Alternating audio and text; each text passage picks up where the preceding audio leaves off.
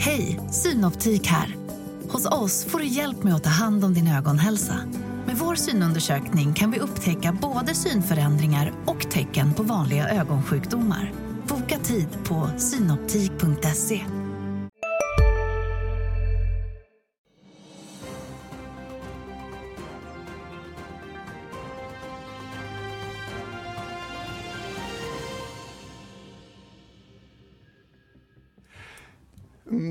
och den 11 september i kalendern idag förstås ett viktigt datum för oss Amerikavänner. Blandat i Asien under natten. Det här är Börsmorgon. Varmt välkomna.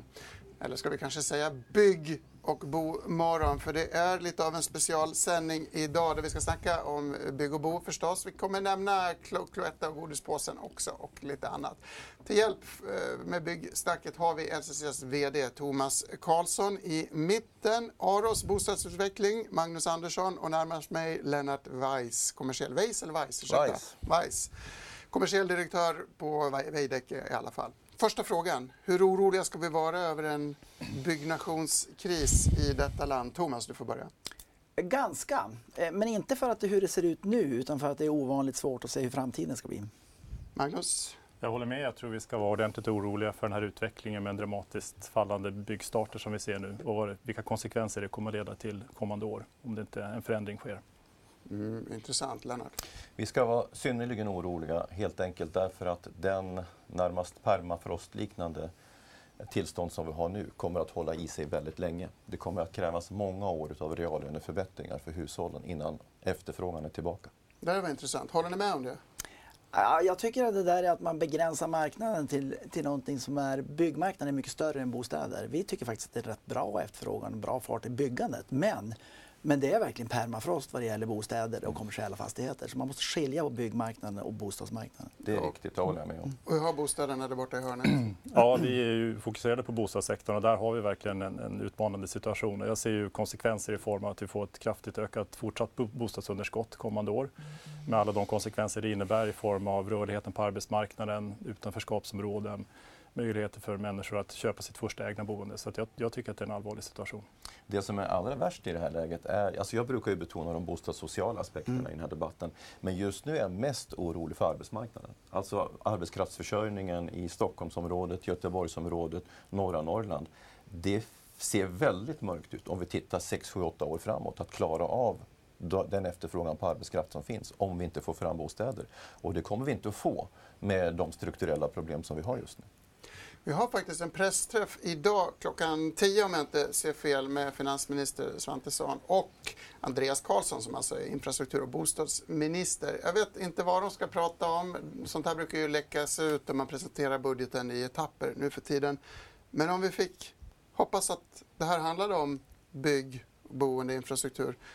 Vad skulle ni önska er för typ av åtgärder? Du får börja. Jag, jag ser det som så att vi har haft eh, ett antal decennier utan egentligen relevant bostadspolitik.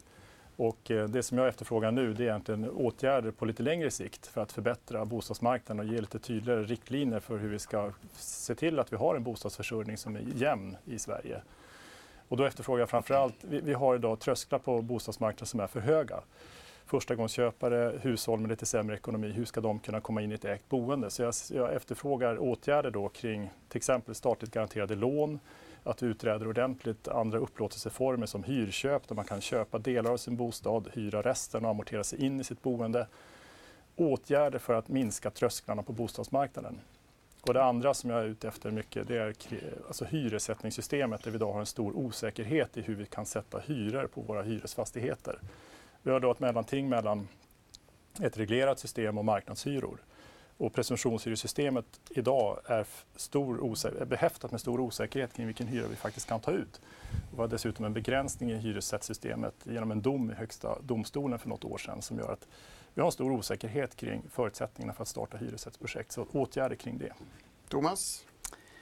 Ja, alltså vi har ju ingen politisk åsikt så, men, men man skulle ju kunna önska sig att man sa nu tänker vi göra bostadspolitiken till ett prioriterat område där vi ska försöka komma överens om en långsiktig inriktning. Där låter det som att ni två är överens i alla fall. Eh, Lennart? Eh... Förutom det Magnus och Thomas säger så ska man ha klart för sig att vi har fyra typer av finansiella utmaningar just nu. Det ena är att lönsamheten inte går ihop för bostadsbyggarna. Det andra är att man har problem med långsiktig finansiering. Det tredje är att kreditivfinansieringen är minst sagt kärv. Och det fjärde som Magnus är inne på är att hushållen inte kan finansiera sitt bostadsköp, även om vi har en ung familj med goda inkomster. Alla de här fyra lagren av finansiella ekonomiska utmaningar måste på något vis adresseras politiskt om man inte bara ska vänta på att hushållens köpkraft återhämtar sig. Och då får man vänta väldigt länge. Om man inte tror på en snabb vändning i konjunkturen då? Ja, men alltså om vi är tillbaka eh, på 2013 års nivå när det gäller reala inkomster så förstår ju vem som helst att om byggpriserna har fortsatt uppåt mm. utav externa skäl, jag menar krig skapar alltid inflation, då kommer det ta många år innan hushållens, det vi kallar för lite byråkratiskt, då, för köpkraftiga efterfrågan återhämtar sig. Det, det handlar om 6-8 år. Men, men jag, tycker, jag tycker det finns en, för jag är inte riktigt säker på att det tar, jag, det kan ta så lång tid men inte säker på att det gör det. Och den jag tycker vi glömmer bort ofta är byggpriserna har ökat för att materialpriserna har ökat men den stora kostnadsökningen är faktiskt finansieringen. Eh, räntorna. Så, eh, om räntorna kommer ner så kommer vi kunna se en, eh, kanske inte en snabb återhämtning, men vi kommer åtminstone i ett bättre läge lite snabbare. Byggherrekostnaderna ökar ju nu till följd av räntorna, helt ja, korrekt. Ja. Och, materialpriserna rör sig sidledes. Men de ska ju helst då ner. Och, exakt. Och det tror man ja. väl inte på. Och, och, jag säger hela tiden att vi, vi vet ju inte hur lång tid det här ska ta. Det, det finns ju de som har ganska kort scenario och det kan man inte utesluta men, men det är inte troligt som jag ser det. Man kan, men man kan också se ett jättelångt scenario, liksom ett decennium som är förlorat. Det tror jag inte heller är troligt men någonstans däremellan kommer vi hamna och det är otroligt svårt att veta när. Och om det blir ett långt scenario så har vi strukturella R i den svenska samhällskroppen att, att hantera. Trots eh, det här, och vi ska fortsätta cirkulera djupare och djupare i takt med att programmet fortskrider, så vill jag nämna SCBs e boprisindikator. För trots det vi pratar om här så har ju Väldigt många mätningar visar på en väldigt motståndskraftig bostadsmarknad, eh, inte minst i Stockholm. Jag tycker det är lite förvånande själv. Jag vet inte vilka mätningar man kan lita på, om någon.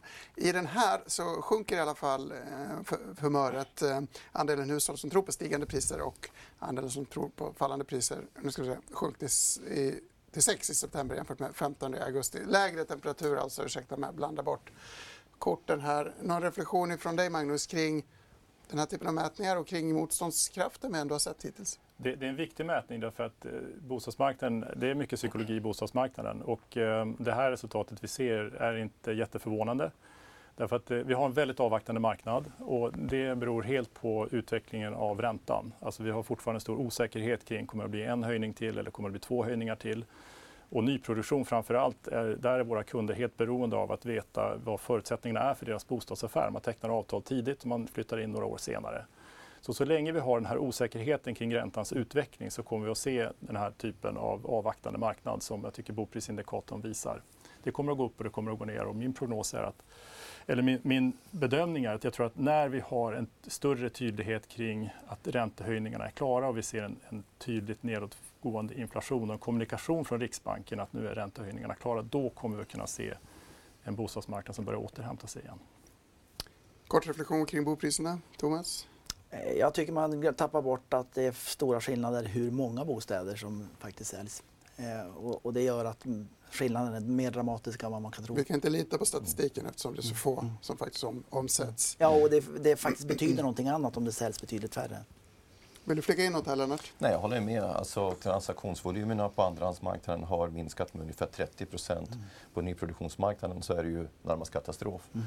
Eh, och, och det, det, har betydelse. Sen har det naturligtvis också betydelse att sparandet i Sverige har varit väldigt starkt under många år. Så att, vad ska vi säga, de hushållen som är inne i bostadsmarknaden har relativt nedamorterade bostäder och har ett gott sparande. De, deras köpkraft har varit ganska intakt. Men frågan är vad som händer framåt om man nu börjar så att säga eh, konvertera bundna lån till rörliga och, och räntorna fortsätter uppåt. Men eh, indikatorn har betydelse. Men man ska ändå komma ihåg att priserna har fallit eh, 10-15 procent på, på, på riksnivå och det är mycket. Det, det är en kolossal skillnad för marknaden.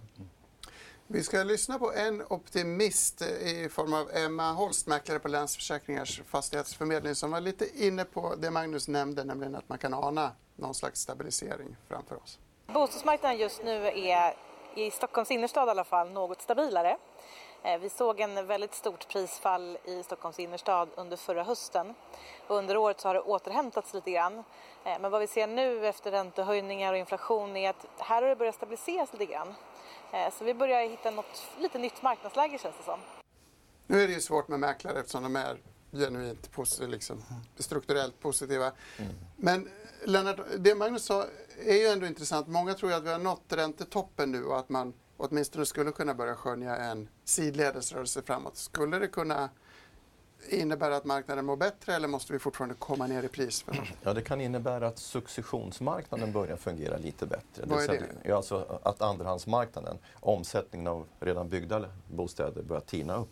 Men det kommer inte betyda särskilt mycket för det som vi står och diskuterar allra mest, nämligen nyproduktionsmarknaden. Och det är ändå det som är det viktiga.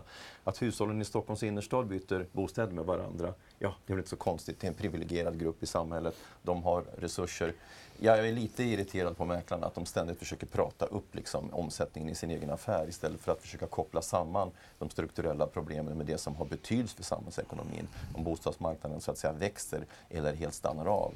De, de, de ser liksom inte de samhällsekonomiska aspekterna på det, de pratar för sin affär bara. Det tycker jag är lite störande.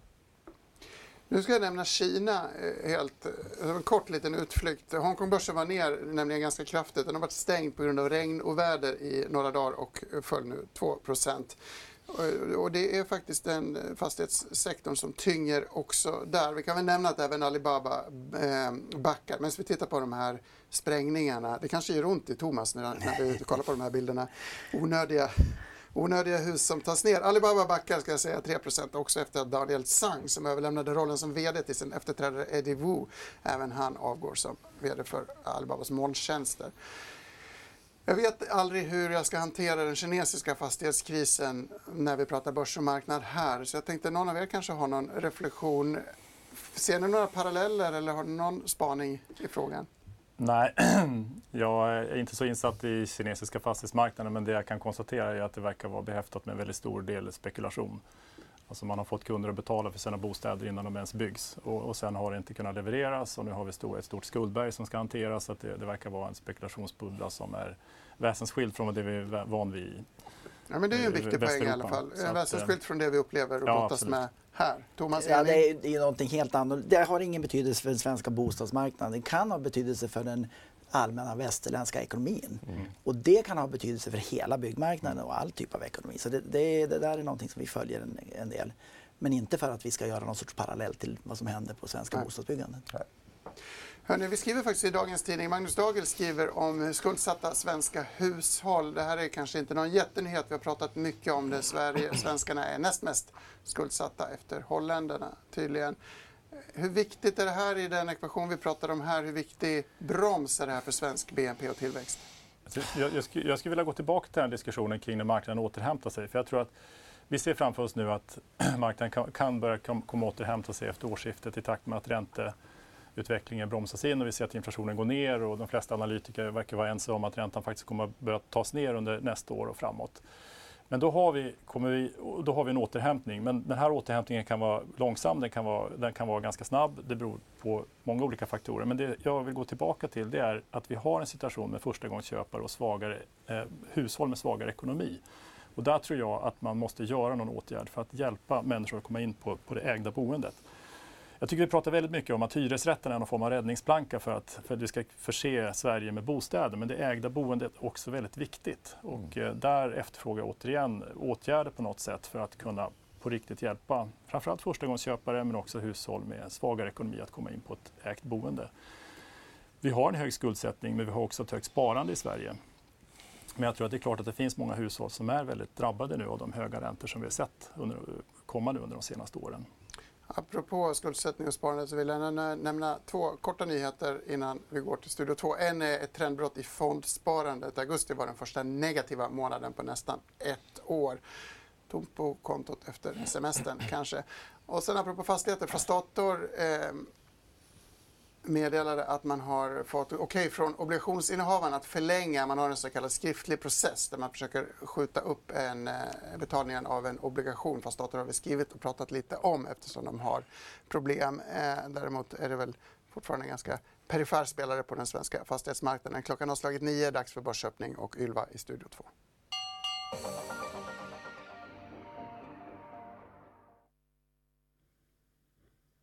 Ja, och eh, Stockholmsbörsen inleder ju veckan eh, svagt uppåt. Eh, vi ser att eh, OMXS30 stiger nästan en halv procent. Eh, något mindre lyfter breda index som endast stiger svagt. Men om vi kikar på storbolagsindex så har vi Alfa Laval i botten som ju har fått en sänkt rekommendation ifrån City som sänker till neutral från köp. Aktien backar 2 eh, I toppen däremot har vi Boliden som lyfter nästan 2 följt av H&M och Autoliv. Även Electrolux eh, stiger 1% idag, har istället fått en höjd rekommendation från City som höjer till neutral från tidigare sänk. Eh, tag det rätta, tag Cloetta kan man väl eh, säga så här idag. Så låter ju den klassiska sloganen och eh, godisbolaget är också veckans aktie får en köprekommendation av Uffe Pettersson som skriver att aktien är på fyndnivåer eh, och den lyfter också mycket riktigt. Idag stiger eh, 3,5 procent så här i öppning. Eh, vi kan väl även ta och kika till Avanza där eh, tillträdande vd Knut Frängsmyr köpt aktier, köpt 16 000 aktier och så köpt 275 000 optioner i bolaget. Aktien handlas i sidled här idag.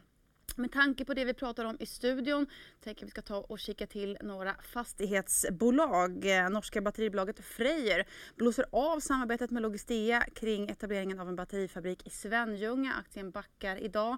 Precis som du nämnde i studion också Gabriel så sänker Scope Rating kreditbetyget för fastighetsbolaget Fastpartner till dubbel B med negativa utsikter från tidigare trippel B minus med stabila utsikter. Men sen tidigare så har ju Moody's sänkt betyget för den här eh, aktien. Och eh, nu blev det lite vajsing på skärmen här så händer det ju ibland på måndagar. Eh, på tal om eh, att eh, vi precis har sett hur börsen öppnar här. Men eh, nu tappade jag bort mig lite grann så kan det också gå ibland. K Fastigheter vill också att vi ska nämna. Eh, man sonderar nämligen terrängen för att sälja fyra fastigheter i Danmark. Eh, den aktien rör sig i princip oförändrat här idag.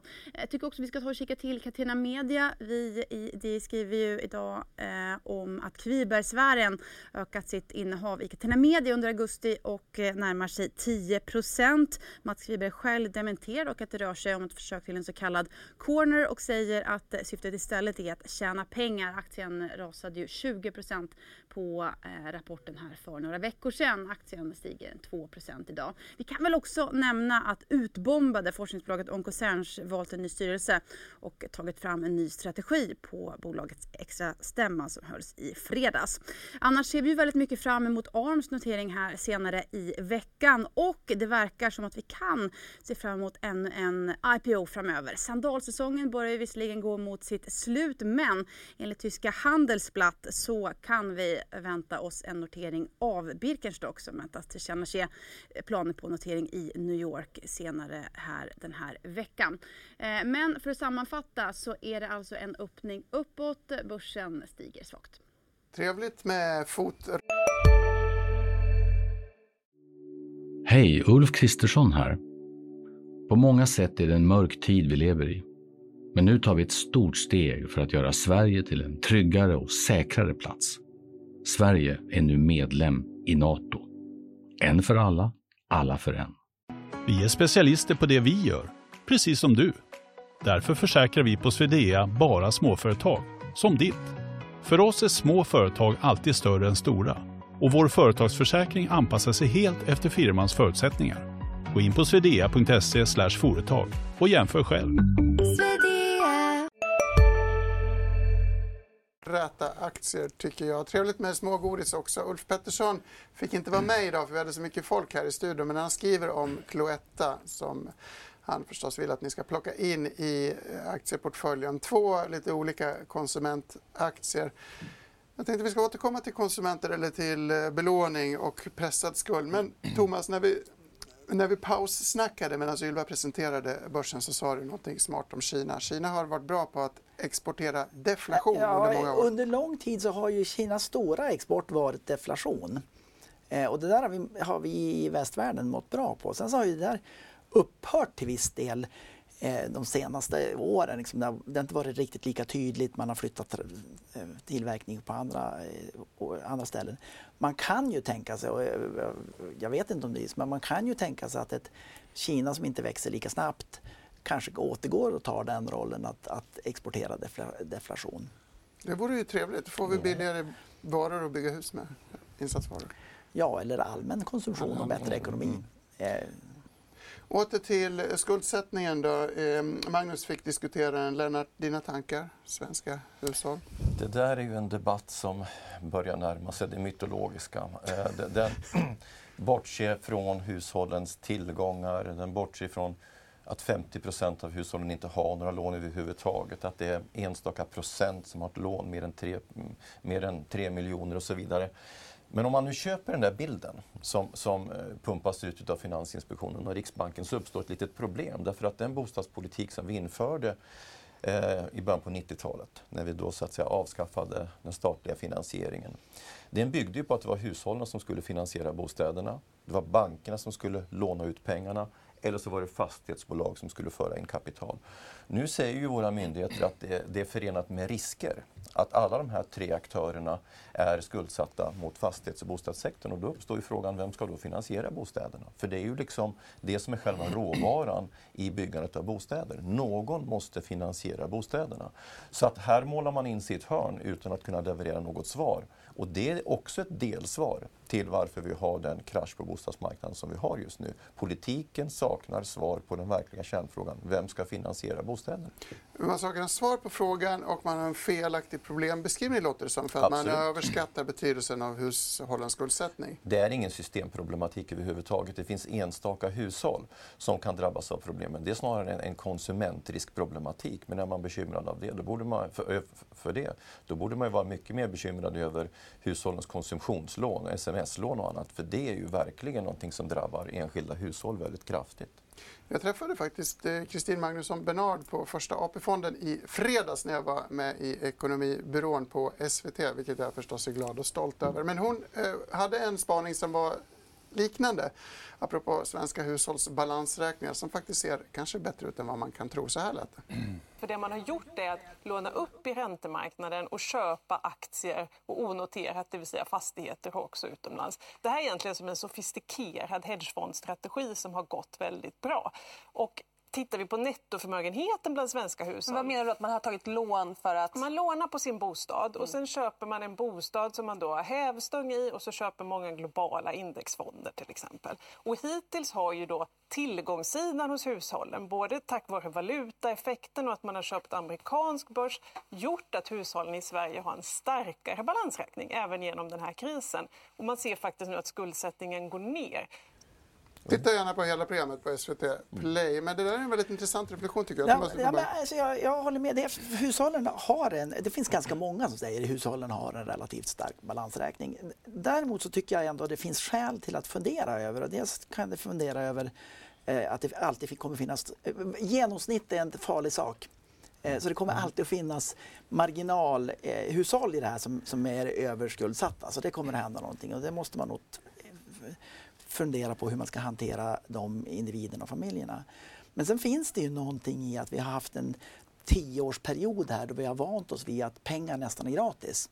Eh, och det har drivit, eh, drivit eh, prisökningarna på bostäder under, under en period där man har kunnat eh, låna och på marginalen köpa dyrare och dyrare bostäder på många ställen.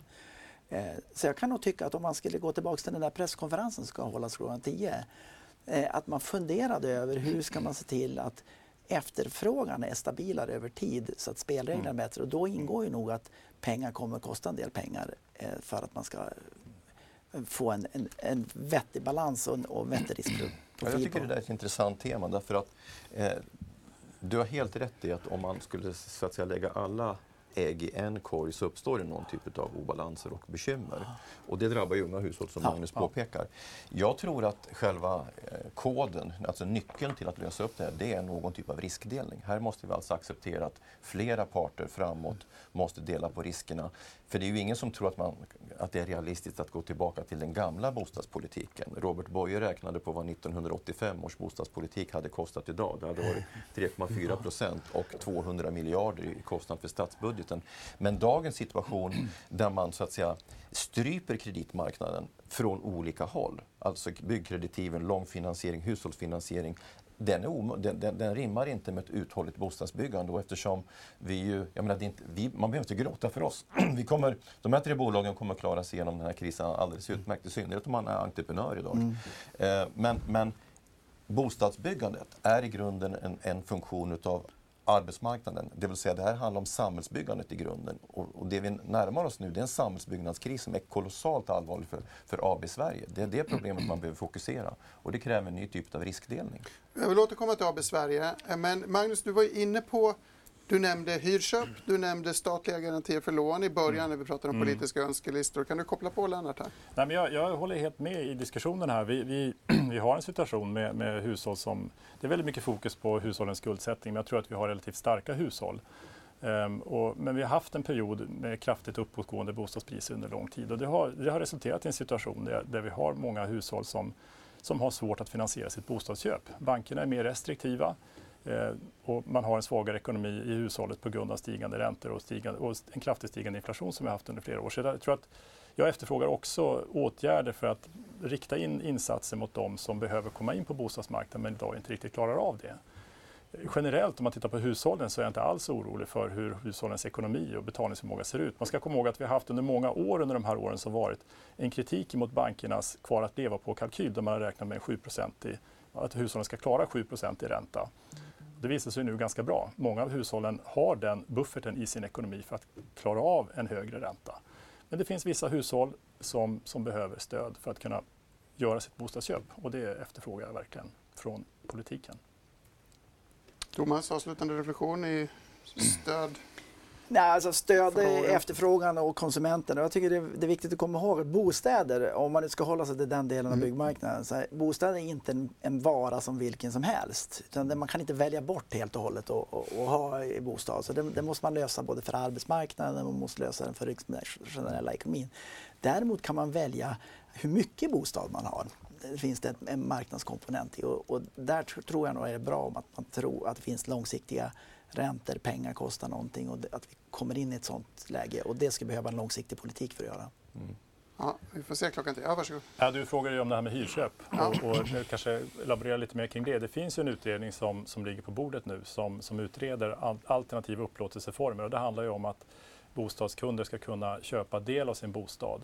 Och det finns ett antal sådana initiativ på marknaden idag men det finns ett antal frågor kring skattefrågor och hur, hur, det här finansiellt ska fungera på ett smidigt sätt. Men jag tror att det kan vara, det kan vara till en stor hjälp att vi har alternativa upplåtelseformer som hjälper förstagångsköpare in på bostadsmarknaden. Och det är inte ovanligt i länder runt omkring oss. I England är det här vanligt förekommande. Det finns många andra länder som tillämpar det.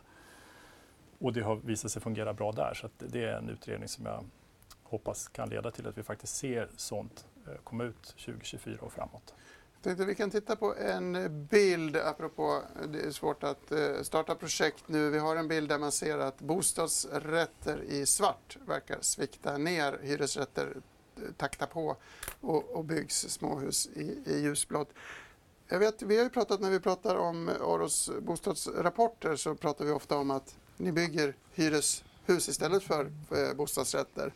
Och det låter som att det du beskriver nu är ett sätt att mäkla tillbaka det. Man bygger hyreshus först och sen blir det hyrköpsfastigheter och blir till bostadsrätter sen, eller hur?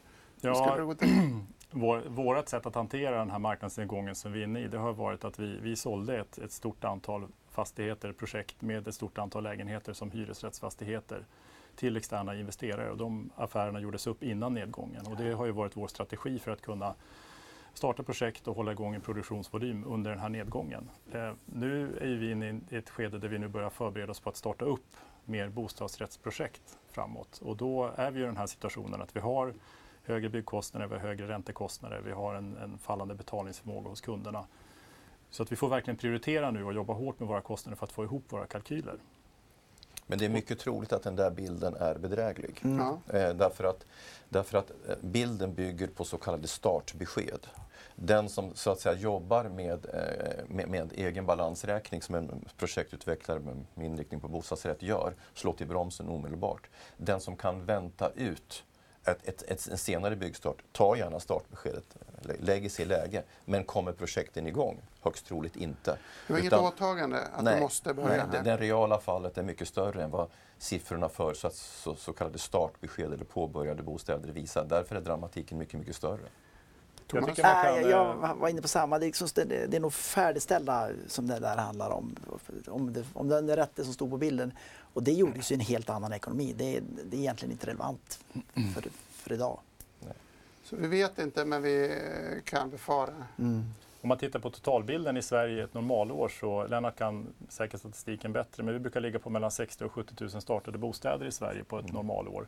Jag tror 2017 var vi uppe i över 70 000, 71 000 startade bostäder.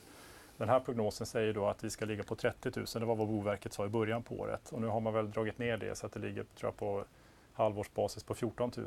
Och jag håller helt med.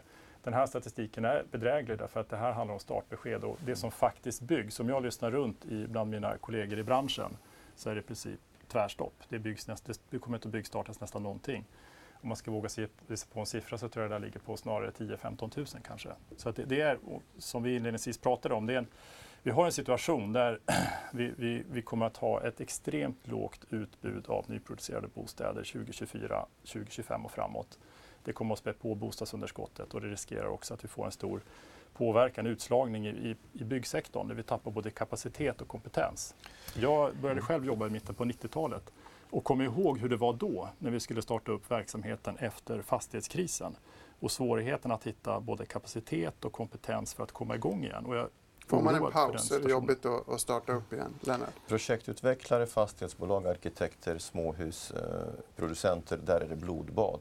De som kommer att klara sig bäst är ju faktiskt sådana här som NCC och Veidekke som, som har fokus på entreprenadaffären.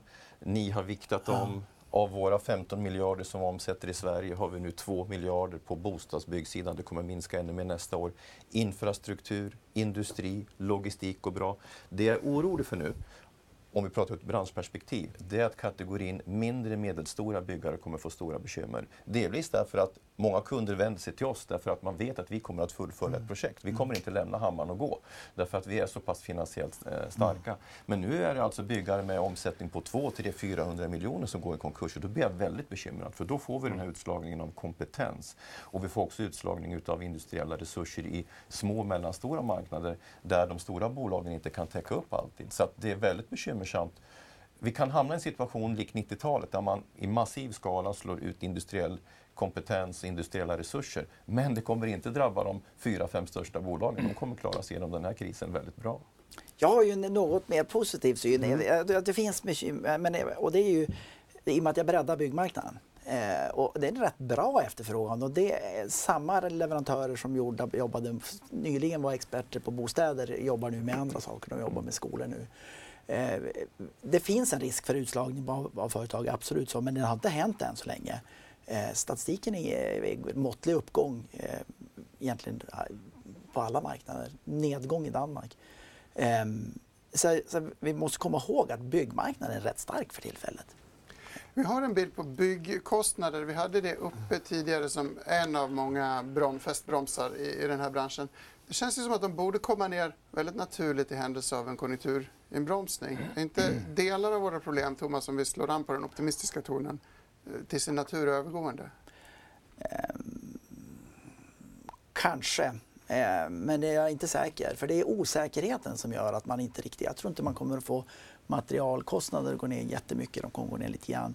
Eh, det som riktigt kommer att påverka projekten är om räntorna går ner. Mm. Mm. Det, är, det, är den, det är den enskilt största drivaren och vi tenderar till att glömma det. Mm. Helt riktigt. Intressant. Räntorna är... Ja, står för över 50 av, av byggkostnadsökningarna det går ju lite hand i hand i och för sig. Man kan ju, och det här har vi också nämnt tidigare, man kan ju befara att, eller anta att räntorna kommer ner i händelse av en konjunkturdämpning eh, eftersom det går hand i mm. hand med inflationen. Så. Ja, det borde vara självförstärkande i, i någon mening. Eh, sen så, så, finns det ju det som Lennart är inne på, bostadsbehovet i orter där vi ser en stark industriell potential, framför allt Norrbotten men även andra ställen. Mm Eh, hur ska man försörja det? Och det tror jag vi kommer att, det kommer att komma till ett läge där man tvingas ha eh, industri, samhälle går ihop för att faktiskt se till att det finns en bostadsförsörjning. Mm. Eh, på, på bra bostäder där vi har rimliga sociala förhållanden och där vi attraherar de allra bästa för att utveckla den nya industrin. Mm. Det här tog ju Lennart upp tidigt, att arbetsmarknaden kan inte, för vi får liksom mm. så många mm. andra problem om vi inte har bostäder. Ja, och, och, om du tar bara det gröna skiftet uppe i norr. Vi talar om att det ska investeras 1100 miljarder ungefär eh, i, i, både den kom, kommersiella sektorn och kommunerna. Ja, för kommunernas vidkommande så görs ju nu jättestora investeringar i hamnar, vägar, mm. annan infrastruktur det bygger på att de här kommunerna får nya kommuninvånare, det vill mm. säga skattebetalare. Om de inte kommer, om det här landar och slutar i fly-in, fly-out, mm. då får de här kommunerna jättestora bekymmer. Så att jag tycker man måste ta lärdom av hur Sverige så att säga, omstrukturerades från skiftet 50 till 60-talet och inse att då behövs det samhällsinsatser. Eller så får det bli som Thomas säger, när mina föräldrar kom hit efter kriget, då bodde vi i Gävle Varvs arbetarbostäder då, eh, i Gävle. Då gick det till på det sättet. Men det blev ju inte en tillräckligt bra mm. boendesituation på lång sikt, utan samhällets resurser krävdes. Mm. Och någon typ av omtag i det avseendet tror jag kommer att behövas här. Därför att eh, det måste byggas ungefär 50 000 bostäder i eh, Luleå, Boden, Gällivare, Kiruna, Skellefteå och så vidare om det här samhällsbygget ska fungera. Nej, jag ty tycker det är viktigt, man, man, pratar om hur läget ser ut nu så pratar man om att det är en avvaktande osäker bostadsmarknad och, och ibland kan man tycka att prognoserna ser lite negativa ut. Men det vi måste komma ihåg är att det finns en efterfrågan på bostäder i Sverige och den kommer att bli ännu större i och med att utbudet nu minskar. Så vår prognos är återigen att marknaden kommer att börja återhämta sig 2024 och framåt. Men hur lång tid den här återhämtningen tar är beroende på hur, vilka åtgärder mm. kanske som kan komma till och eh, andra olika faktorer. Men framförallt så efterfrågar jag då åtgärder som kan göra att den här återhämtningen inte tar för lång tid så vi hamnar i de här situationerna som vi har pratat om här. Mm. Det är lätt att fantisera om någon slags squeeze 24-25 någon gång när räntorna har kommit ner och utbudet har varit för lågt, byggandet för lågt för länge. Ja. Men vi ska faktiskt växla tillbaka till Studio 2 för en liten börsuppdatering. Varsågod Ylva. Tack Gabriel! Och eh, Stockholmsbörsen har ju lyft ytterligare här sin öppning eh, nu upp eh, nästan en halv procent. Om vi kikar på storbolagsindex har vi fortsatt Boliden i toppen, stigen 2 procent följt av H&M och Electrolux. Och där har ju Electrolux fått en höjd rekommendation från City som höjer till neutral från tidigare sälj. Man skruvar också upp riktkursen. Electrolux stiger 1,5 procent. Eh, I botten på storbolagsindex har vi däremot Alfa Laval som istället fått en sänkt rekommendation ifrån från City. Aktien backar nästan 3,5 procent. Även Nibe och AstraZeneca backar idag. Eh, annars tänker vi ska ta och kika till eh, Avanza som lyfter 1% Där har tillträdande vd Knut Frängsmyr köpt aktier. Eh, 16 000 sådana eh, och eh, 275 000 optioner i bolaget. Dessutom så har Handelsbanken sänkt sin långsiktiga rekommendation för bolaget till Market Perform. Eh, I eh, forskningsbolaget Xbrain Biopharma så har eh, två personer i ledningen sålt aktier av skatteskäl. Aktien rasade ju häromveckan på beskedet att man förskjuter milstolpen om positivt kassaflöde. Idag så backar aktien 1 eh, vi kan väl även kika till fastighetsbolaget Logistea som är nere 3,5 idag efter att norska batteribolaget Freyr blåst av planerna på ett samarbete kring en etablering av en batterifabrik i Svenljunga kan man också läsa i Dagens Industri om att Kvibergsfären ökat innehavet i Catena Media under augusti och nu närmar sig 10% Enligt Mats Kviberg själv så eh, dementerar han att det rör sig om ett försök till en så kallad corner och säger att syftet istället är att tjäna pengar. Aktien rasade ju en 20% på rapporten, lyfter eh, ytterligare en 4% idag. Sist ska vi kika till veckans aktie som ju är eh, godisbolaget Cloetta som får en köprekommendation ifrån Uffe Pettersson som menar att aktien är på fyndnivåer. Den lyfter också 6% idag.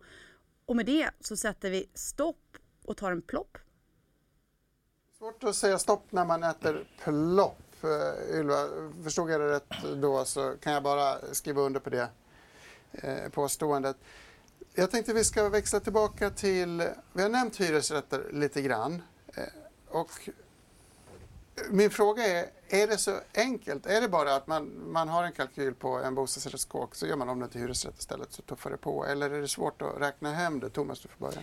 Nej, alltså vår bedömning idag är ju, alltså den stora mängden breddbyggandet, det går, får man inte ihop idag. Det är. Det är bara, Vad säger du som är duktig på att skifta? Nej, men jag, jag håller med om det. Det jag är inne på det är ju hur hyressättningssystemet ser ut. Vi har idag en, en situation där vi har en förhandlad hyra genom ett presumtionshyressystem. Eh, det här presumtionshyressystemet, den förhandlade hyran, innebär ju framförallt nu när vi har stora rörelser på inflation, kostnadsbilden, gör en stor osäkerhet kring vilken hyra vi kan sätta. Plus att vi förra året fick en dom i Högsta domstolen som begränsar vilket, hyre, vilket hyresuttag vi kan ta ut i, i presumtionshyressystemet jämfört med övriga hyresbeståndet. Det här har lett till två saker. Det har lett till att vi har en osäkerhet i våra kalkyler. Hur ser våra kalkyler ut för att starta ett hyresrättsprojekt där vi har inflyttning om ett par, tre år? Det har lett också till att svår, större svårigheter att attrahera kapital för att investera i hyresrättsfastigheter, både svenskt och utländskt kapital. Därför att man anser att det är för stora osäkerheter. Det, det har, vi har haft en situation där vi har haft investeringsstöd som togs bort. Vi har, haft, vi har då presumtionshyressystemet där vi har den här domen som, som gör att det blir en stor osäkerhet kring vad, hur ser förutsättningarna långsiktigt ut. Och det är det jag efterfrågar, att vi måste få tydligare eh, riktlinjer kring vilka, vad som kommer att gälla. Tydligare riktlinjer. Vi har en eh, bild vi fiskade upp ur NCCs rapport om jag inte missminner mig. Apropå uthyrning. Vad ser vi här Thomas? det här är eh, kommersiella fastighets kom- All right. kontorsuthyrning så det är egentligen en annan, en annan diskussion. Ja, vi, eh, Eh, Men, men, men det, det vi ser är att det har ju det har ju blivit svårare att hyra ut kontor också. Och det, och det där är en, det är en annan typ av diskussion. Den handlar ju dels om räntor och kostnader och index och sådana saker. Men där handlar det också vad har hänt med vårt, vår syn på kontoren? Ja, ingen vill vara där. Ja, ja, eller en del vill vara där och en del vill inte vara där och så vill man vara där på tisdag till torsdag eller så. Så det där kommer ju bli, tror jag, en, en viktig fråga framöver. Hur ska, vad är kontorens eh, nytta och, och, och roll framöver? Men jag skulle kunna, jag skulle kunna skjuta ner dig, eh, dels för att jag vill hålla, hålla lite bostadsfokus här, men det är väl inte så att kontorsproblematiken är så allvarlig att man slutar bygga? Man bygger väl fortfarande kontorsfastigheter? Ja, det är väldigt, väldigt lite. Det är ungefär samma mönster som på för okej. kommersiella fastigheter. Det, man, det du ser är eh, precis som bostäder, något enstaka i, i rätt läge eller med en viss kund. Eh, och sen ser du ju samhällsadministrationsbyggnader men, men det är ungefär samma mekanismer. kommer dock ombyggnader, renovering. Ja, ja absolut. Det, Jag, har fått ett argt eh, läsarbrev som jag ska läsa högt. Jag måste kisa tyvärr för att läsa här. Men, eh, så här skriver tittaren. Gästerna talar för egen bok. De har haft en bra period de senaste 20 åren bara höja priserna på grund av billiga lån och inte gjort någon effektivisering. Nu har vi kommit till vägens ände. Det går inte att öka belåningen och räntorna bör inte sänkas. Nu måste de som bygger bostäder börja effektivisera och sänka priserna. Då får ni replikera på detta och eh, Magnus, du får börja. Nej, men jag, det är klart, eh, jag håller med om att vi har haft en, en starkt uppåtgående marknad under lång tid. Men, eh, men jag tror att, och, och vi, vi jobbar ju aktivt med att effektivisera vår produktion och effektivisera våra bostadsprodukter och jobba med kostnader och jobba med den gröna omställningen. Eh, Men det är klart, nu har vi hamnat i ett läge där framförallt det här är en fråga om finansiering. Det är en fråga om att vi har haft en kraftigt stigande ränta. Det påverkar våra hushåll, det påverkar vår förmåga att finansiera våra projekt och den kan vi inte så att säga, effektivisera bort i, i våra, utvecklingen av vår produkt. Utan det här handlar i stort sett eh, det handlar om en större fråga kring finansieringen av projekten. Alltså jag kan ha stark sympati för den eh, arga läsaren men jag tycker eh, frågeställningen är, mycket större än så. Eh, Den första handlar om läge och det framförallt är det andrahandsmarknaden som driver vad en nybyggnad kostar. Det kommer aldrig att byggas billiga bostäder på Karlavägen. Nej. Det kommer aldrig hända. För det skulle vara bara värdeöverföring till ingen nytta. Den andra är att ska man bli mycket effektivare i, i termer av en produkt. Vi, vi tillhandahåller ofta en tjänst. Att, att, att bygga det någon har hittat på så måste man få produktifiera, standardisera mycket mer. Eh, och där ser vi att det finns ganska litet efterfrågan på det. Eh, på att hålla, vi har bra bostäder som är produktifierade som vi kan bygga eh, 25% lägre kostnader än vad, vad ett standardbostadshus gör. Men där får, möter vi ofta på bostad, eh, motstånd, allt ifrån våra kunder men framför allt ifrån vet, de som planerar samhällen, stadsbyggnad och så. Ibland för legitima skäl, ibland för att man bara är emot den här produktifieringen. Ehm, så att det, det, är ett större, det är en större, större fråga än att det, inte är effektivare. Och den, den där diskussionen bortser också från att det är en väldigt fragmentiserad bransch. Mm. Här står representanter för två led i branschen. Och entreprenörerna har ju under den här perioden tuggat på med sina 2, 3, i bästa fall 4 procent i resultat på omsättningen. Projektutvecklarna hade under en period goda tider. Men, men det man måste liksom, eh, om man tittar på rena byggverksamheten så är det worldwide en projekt och platsbaserad verksamhet. Mm. Vi bygger en tillfällig fabrik varje gång. Det går inte att rationalisera den här verksamheten som man kan göra i bilindustrin. Och om det gick så skulle det, så skulle det redan ha skett någonstans i världen. Men svensk byggbransch beter sig inte annorlunda än någon annanstans och faktum är att om vi jämför svensk byggbransch med, med våra konkurrenter ute i Europa eller var som helst så hävdar vi oss väldigt, väldigt väl. Så tyvärr är det här en del i en rad missförstånd som finns runt den här branschen. Nu är klockan halv. Eh, jag skulle vilja avsluta programmet men jag har en lång lista på samtalsämnen kvar. Så jag tänkte vi kan köra en liten expressfinal. Där jag nämner ett ämne och så vill jag ha extremt koncisa krav. Den svensk, svaga svenska kronan, är den ett eh, stort problem för dig och för branschen? För mig och för branschen är det inte ett eh, stort problem men däremot det spär ju på inflationen naturligtvis och därmed blir det ett sekundärt problem. Och det är det. Ja, lite till då. Ja, men det, det, det gör ju Sverige som land mindre attraktivt. Vi får konstgjord eh, produktivitets eller vinstökning i exporterande industrin som kommer att förhindra produktivitet. Vi har svårigheter att få investerare. Det, det är ett stort problem. Och det är också ett, svår, ett problem när det gäller att attrahera utländsk arbetskraft mm. faktiskt. För att i och med att den svenska kronan är så svag så får du Ja, det, det, då får du helt enkelt inte lika bra betalt. Går den hand i hand med den dåliga, allt sämre Sverigebilden internationellt? Nej. Ja. Eh, grön omställning då? Hur viktigt är det för branschen? Det har man pratat om länge, men nu händer det. Eh, men vi ser ju att nu börjar man ju investera på riktigt i, på många ställen i landet, framförallt i norra Sverige. Och det, det drar ju med sig en, eh, en nödvändiga infrastrukturinvesteringar av alla slag. Eh, det drar med sig eh, nya eh, behov av bostäder. Sådana Kommer det, det dra med sig politikerna så att vi får de reformer du efterlyser, Magnus? Kanske. Jag tycker den gröna omställningen är otroligt viktig. Vi jobbar väldigt aktivt med den i branschen. Vi ser en ökad efterfrågan från våra kunder. Vi ser också en ökat kravställande från lagstiftarna och från investerare och banker. Så att nu händer den gröna omställningen och det är en viktig faktor i, i vår affär. Det är väldigt positivt att det finns ett tydligt beställartryck i de här frågorna. Det är inte bara politiken utan det är fastighetsägarna som också styrs av av väl genomarbetade hållbarhetspolicy. Så att I den här frågan finns det ett flow, det går i, åt rätt håll. Det är väldigt kul att se. Ja, och industrin ser ju en affär i det här. Mm. Det, det, det, är ju det, det är då så vi får ett tryck i omställningen, för det finns en affär att göra på att, på att göra omställningen och, och det, det händer nu. När vi pratar dålig Sverigebild så är kriminalitet en återkommande fråga. Hur går det med kriminaliteten i er bransch? Ja, alltså vi gör ju så kallade fördjupade bolagskontroller av revisionskaraktär. Vi går in och tittar i bolagens årsredovisningar, jämför med uppgifter i utstationeringsregister, ID06, Fora, där vi alltså branschen gör avsättningar för pensionsförsäkringar, trygghetsförsäkringar och så kollar vi i löneredovisningssystemet Lösen. Allt det här gör vi tack vare att vi har ett speciellt samarbete med Byggnads vilket gör att vi har tillgång till data som annars är sekretessbelagd. Vi har, vi har undersökt 60 östeuropeiska bolag eller svenska bolag med östeuropeisk arbetskraft hittills. Jag hittar inte ett enda bolag som är i närheten av att göra rätt för sig. Vilket gör att jag skojar numera och säger att den dag jag hittar något så ska jag skicka ut ett pressmeddelande. Men jag tror tyvärr inte att det kommer hända i närtid.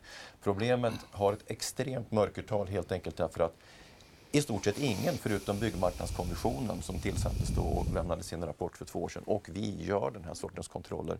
Det man pratar om det är arbetsplatskontroller, in och utloggning och sånt där. Och det är inte oviktigt, men det är inte där du ser det verkliga problemet. Det ser du när du tittar på, betalar de rätt löner? Betalar de, erlägger de sina skatter?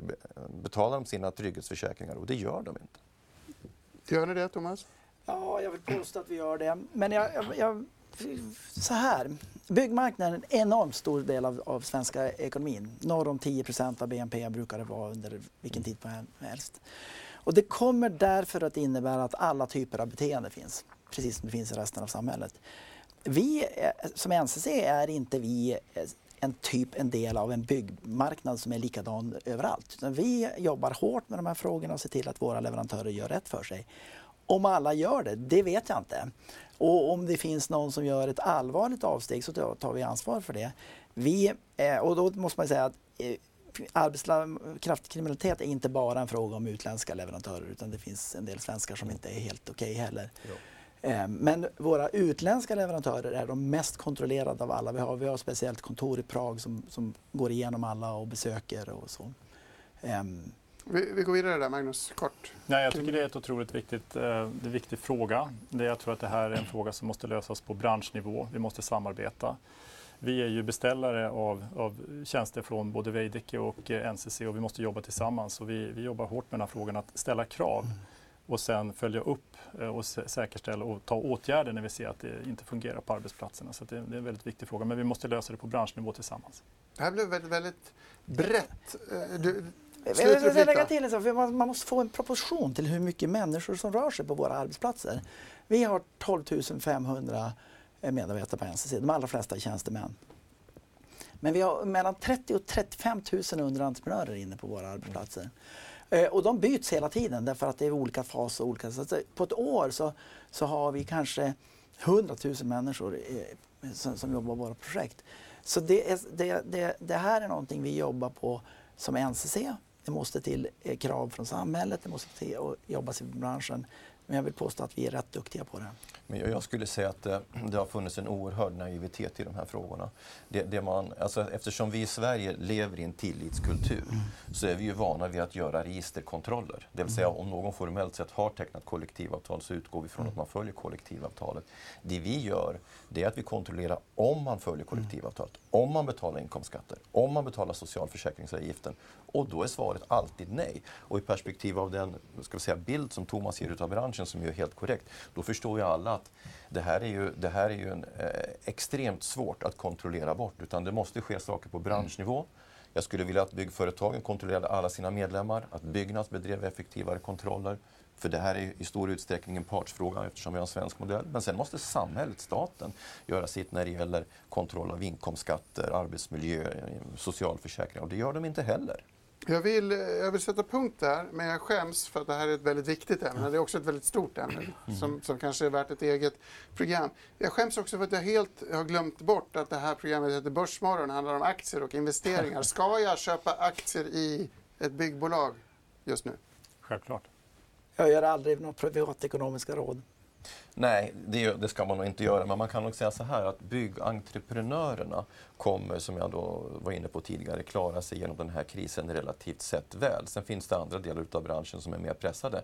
En sak, om vi ska säga någonting om börsen, den dagen räntorna börjar gå ner, då kommer det bli raketbränsle till delar av fastighets och byggsektorn. Mm. Så att den, det kan man ju sitta och spana mot. Den dagen kommer ju såklart fick vi en liten aktierelaterad slutkläm i alla fall. Detta tillsammans med Lennart Weiss, Weiss ursäkta, kommersiell direktör på Veidekke, eh, Magnus Andersson förstås på Aros och eh, Thomas Karlsson på NCC. Gabriel Mellqvist heter jag, Dagens Industri TV. Vi tackar för oss och tack till er som tittat. Häng med oss klockan 14 i Börskoll som vanligt och imorgon samma tid, samma kanal. Tjena mors!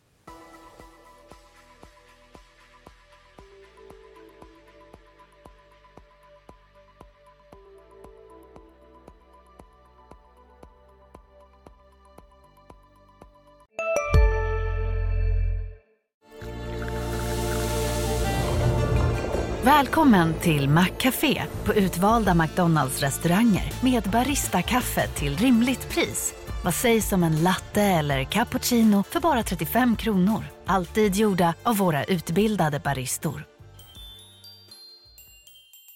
Hej, Susanne Axel här. När du gör som jag och listar dig på en av Krys vårdcentraler får du en fast läkarkontakt som kan din sjukdomshistoria. Du får träffa erfarna specialister, tillgång till lättakuten och så kan du chatta med vårdpersonalen. Så gör ditt viktigaste val idag, lista dig hos Kry.